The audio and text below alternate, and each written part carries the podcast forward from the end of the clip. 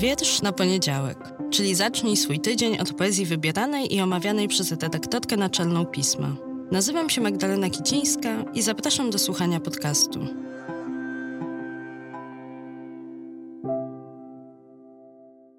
Cześć, dzień dobry, dobry wieczór. Witajcie w końcówce sierpnia i w końcówce wakacji, które mam nadzieję były dla Was dobre przyniosły Wam to, czego od nich oczekiwaliście, a jeśli jesteście dopiero przed wakacjami, no to mam nadzieję, że te letnie miesiące i lipiec i sierpień były po prostu dobre.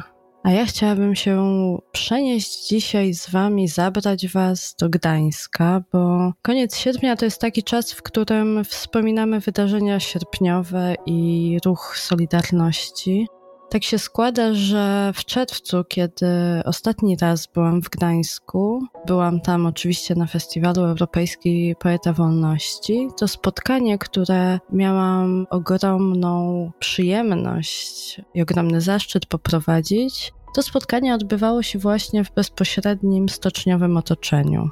A ja ilekroć tam jestem, tyle razy zachwyca mnie potencjał tego miejsca. Oczywiście historyczne, społeczne, architektoniczne i szerzej przestrzenne. To miejsce nigdy mnie nie pozostawia bez emocji. Lubię się tam znajdować, lubię spacerować sama albo na przykład podczas jednego z organizowanych zresztą przez IKM spacerów historycznych Spacerowałam też przez tę przestrzeń w grupie osób, które spotkały się dlatego pod stoczniową bramą, pod tą słynną bramą, bo chciały dowiedzieć się o tej mniej znanej historii stoczni, historii kobiet, które ze stocznią w różny sposób były związane. Nie tylko tych najsłynniejszych kobiet, jak Anna Walentynowicz, ale też anonimowych kobiet, które w stoczni pracowały, bez których stocznia funkcjonować by nie mogła. Więc jeżeli będziecie w Gdańsku i będziecie chcieli stocznie zobaczyć, to zajrzyjcie też na stronę IKM-u. Tam możecie znaleźć materiały o tej właśnie historycznej stronie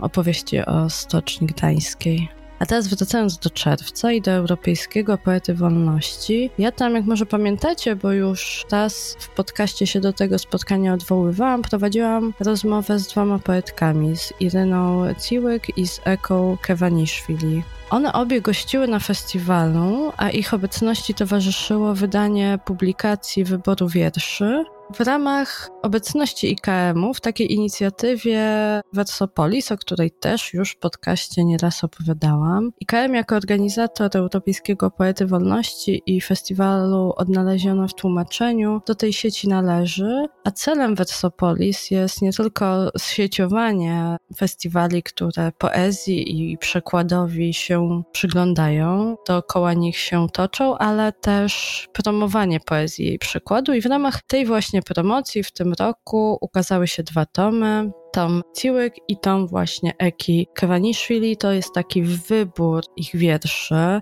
W podcaście już o Irynie Ciłyk opowiadałam, dlatego dzisiaj chciałabym, żebyśmy na chwilę zatrzymali się w Gruzji. Z Gdańska, ze stoczni przenosimy się do Tbilisi i do Gruzji. Poświęcili uwagę poezji Eki Kwaniszwili tłumaczonej do tej publikacji przez Magdę Nowakowską. Ja dwa takie komplety tomów tegorocznych wersopolisowych i KM-owych mam dla tych, którzy, które napiszą pierwsi pierwsze na najdłuższy mail świata, czyli wiersz na poniedziałek małpa magazynpismo.pl. Piszących proszę bardzo, żeby, żebyście w tym mailu zawarli już swój adres, pod który chcecie, żeby te tomy przyszły i też numer telefonu telefonu, żeby ułatwić kontakt, gdyby coś tu było niejasne, dobrze? Te tomy już tutaj na moim biurku na Was czekają. Bardzo je polecam. Jako taki pierwszy krok, oczywiście, do poznania twórczości obu poetek. Dzięki temu wydawnictwu możemy je czytać w przekładach na polski, ale też na angielski. A już o samej poetce, bo mówiłam, że się przenosimy nie tylko do Gruzji, ale do samej jej stolicy, do Tbilisi. Przenosimy się tam dlatego, że to właśnie tam w 79 roku poetka się urodziła. Ukończyła tam też też uniwersytet jest z tym miastem bardzo mocno związana. A uniwersytet, studia jakie skończyła, to dziennikarstwo, co czyni ją oczywiście automatycznie poetką bardzo mi bliską. I od tamtej pory, od ukończenia studiów, aktywnie jako dziennikarka radiowa, prasowa i wideo pracuje. Zajmuje się polityką wewnętrzną, sprawami społecznymi, prawami człowieka i w tym prawami mniejszości.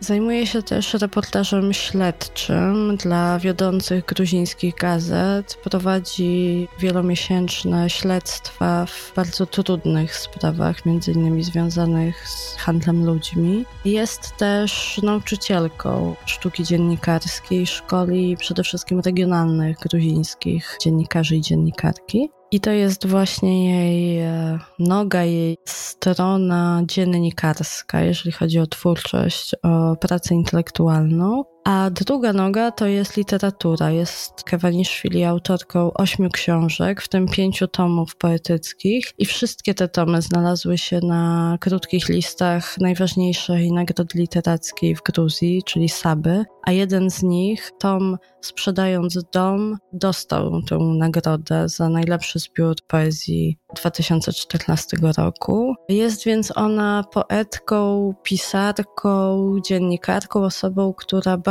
mocno w tworzywie, jakim jest język, pracuje i pracuje w jego bardzo wielu różnych formach. Kiedy rozmawiałyśmy w Gdańsku, nie mogłyśmy nie rozmawiać o tematach, bo język to język, język to sposób przekazywania emocji, stanów, spostrzeżeń, obrazów rzeczywistości, ale temat to co chcemy opowiadać, zarówno w przypadku Ukrainy, z której pochodzi Ciłyk, jak i oczywiście z perspektywy gruzińskiej, gdzie wojna obecna jest w domu, to znaczy w granicach od bardzo wielu lat i cień wojny co chwilę te granice zasłania. Nie mogłyśmy o wojnie nie rozmawiać, ale nie mogłyśmy też nie rozmawiać o innym wielkim temacie. I chyba we trzy się wtedy zgodziłyśmy idealnym wojny rewersem, czyli o miłości. O miłości pisze w tym tomie Kawaniszwili. Jest to miłość postrzegana nie tylko romantycznie, nie tylko w kontekście związku dwóch osób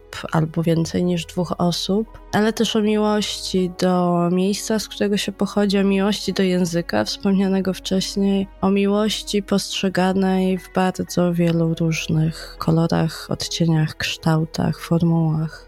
I taki też wiersz wybrałam do sierpniowego numeru. I z takim też wierszem za chwilę Was zostawię, przypominając, że dwa komplety tomów czekają na tych, którzy bardzo chcą poznać trochę więcej wierszy Eki Kawaniszwili i przypomnieć sobie albo poznać twórczość Iryny Ciłyk z wierszem o miłości rozumianej w trochę inny niż na taki pierwszy rzut oka czy ucha myślelibyśmy, że taka miłość właśnie w tym wierszu pojawi, z taką inną formułą, innym spojrzeniem Was zostawiam. Życząc tych ostatnich chwil sierpnia i początku września w słońcu, w spokoju, w spokoju głowy przede wszystkim i w spokoju dookoła. No i łapcie te takie ostatnie promienie słońca wakacyjnego. Mnie się już zdarzyło potknąć, natknąć pod stopami na kasztana.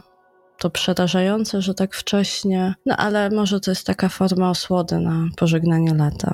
Trzymajcie się ciepło, czytajcie wiersze, słuchajcie wierszy. Eka Kewaniszwili. Miłość idzie do domu. Czyta Magdalena Celmer. Przełożyła Magda Nowakowska. Ma wprawę w ukrywaniu się. W szybkim myciu. Wietrzeniu naszego zapachu, zacieraniu śladów. Dlatego wychodzi swobodny. Nigdy z pochyloną głową. Idzie, wyprężony, czysty spełniono podbojowo zwycięski. Przed wyjściem nas całuje w czoło, w policzki. Część namiętna już się zakończyła. Kochanek zaspokojony. Dlatego usta do zobaczenia lizanie kolan w przyszłym tygodniu, jak również wkładanie ręki między nogi. Kiedy wychodzi, o nic nie prosi ani niczego nam nie obiecuje. Dzisiaj wszystko było dosyta, po prostu się spieszy. Nazywa to czasem macoszym. Nam zostaje impreza, w którą trafiła bomba. Porozrzucane ubrania, resztki tortu, butelka wina. Nawet jej nie otworzyliście. Możemy sobie wyobrazić, jak wchodzi po drodze do sklepu. Lista domowych zakupów jest długa i obowiązkowa. Możemy sobie wyobrazić, jak pochyla się nasz kochanek, jak szuka pod blokiem klamerek. Ma za zadanie je przynieść z powrotem. Wykonuje zadanie pokornie, jakby tym pieczętował wierność. Tak podmaluje zdrapaną miłość. Możemy jeszcze bardziej zadręczyć się wyobraźnią, jak nasz kochanek kładzie komuś innemu głowę na kolanach. Jaki prawdziwy i zmęczony jest w tym momencie. Jak ziewa bezwstydnie nasz kochanek w swoim domu. Jakim jest swoim domem nasz kochanek. Każdy potrzebuje pobyć w domu chociaż jedną chwilę w ciągu dnia. Po to, żeby chcieć z niego uciec. On ma także wprawę w uciekaniu. My z kolei mamy wprawę w urządzaniu tymczasowych schronów.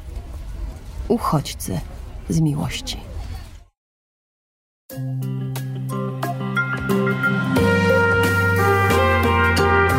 Pismo. Magazyn opinii.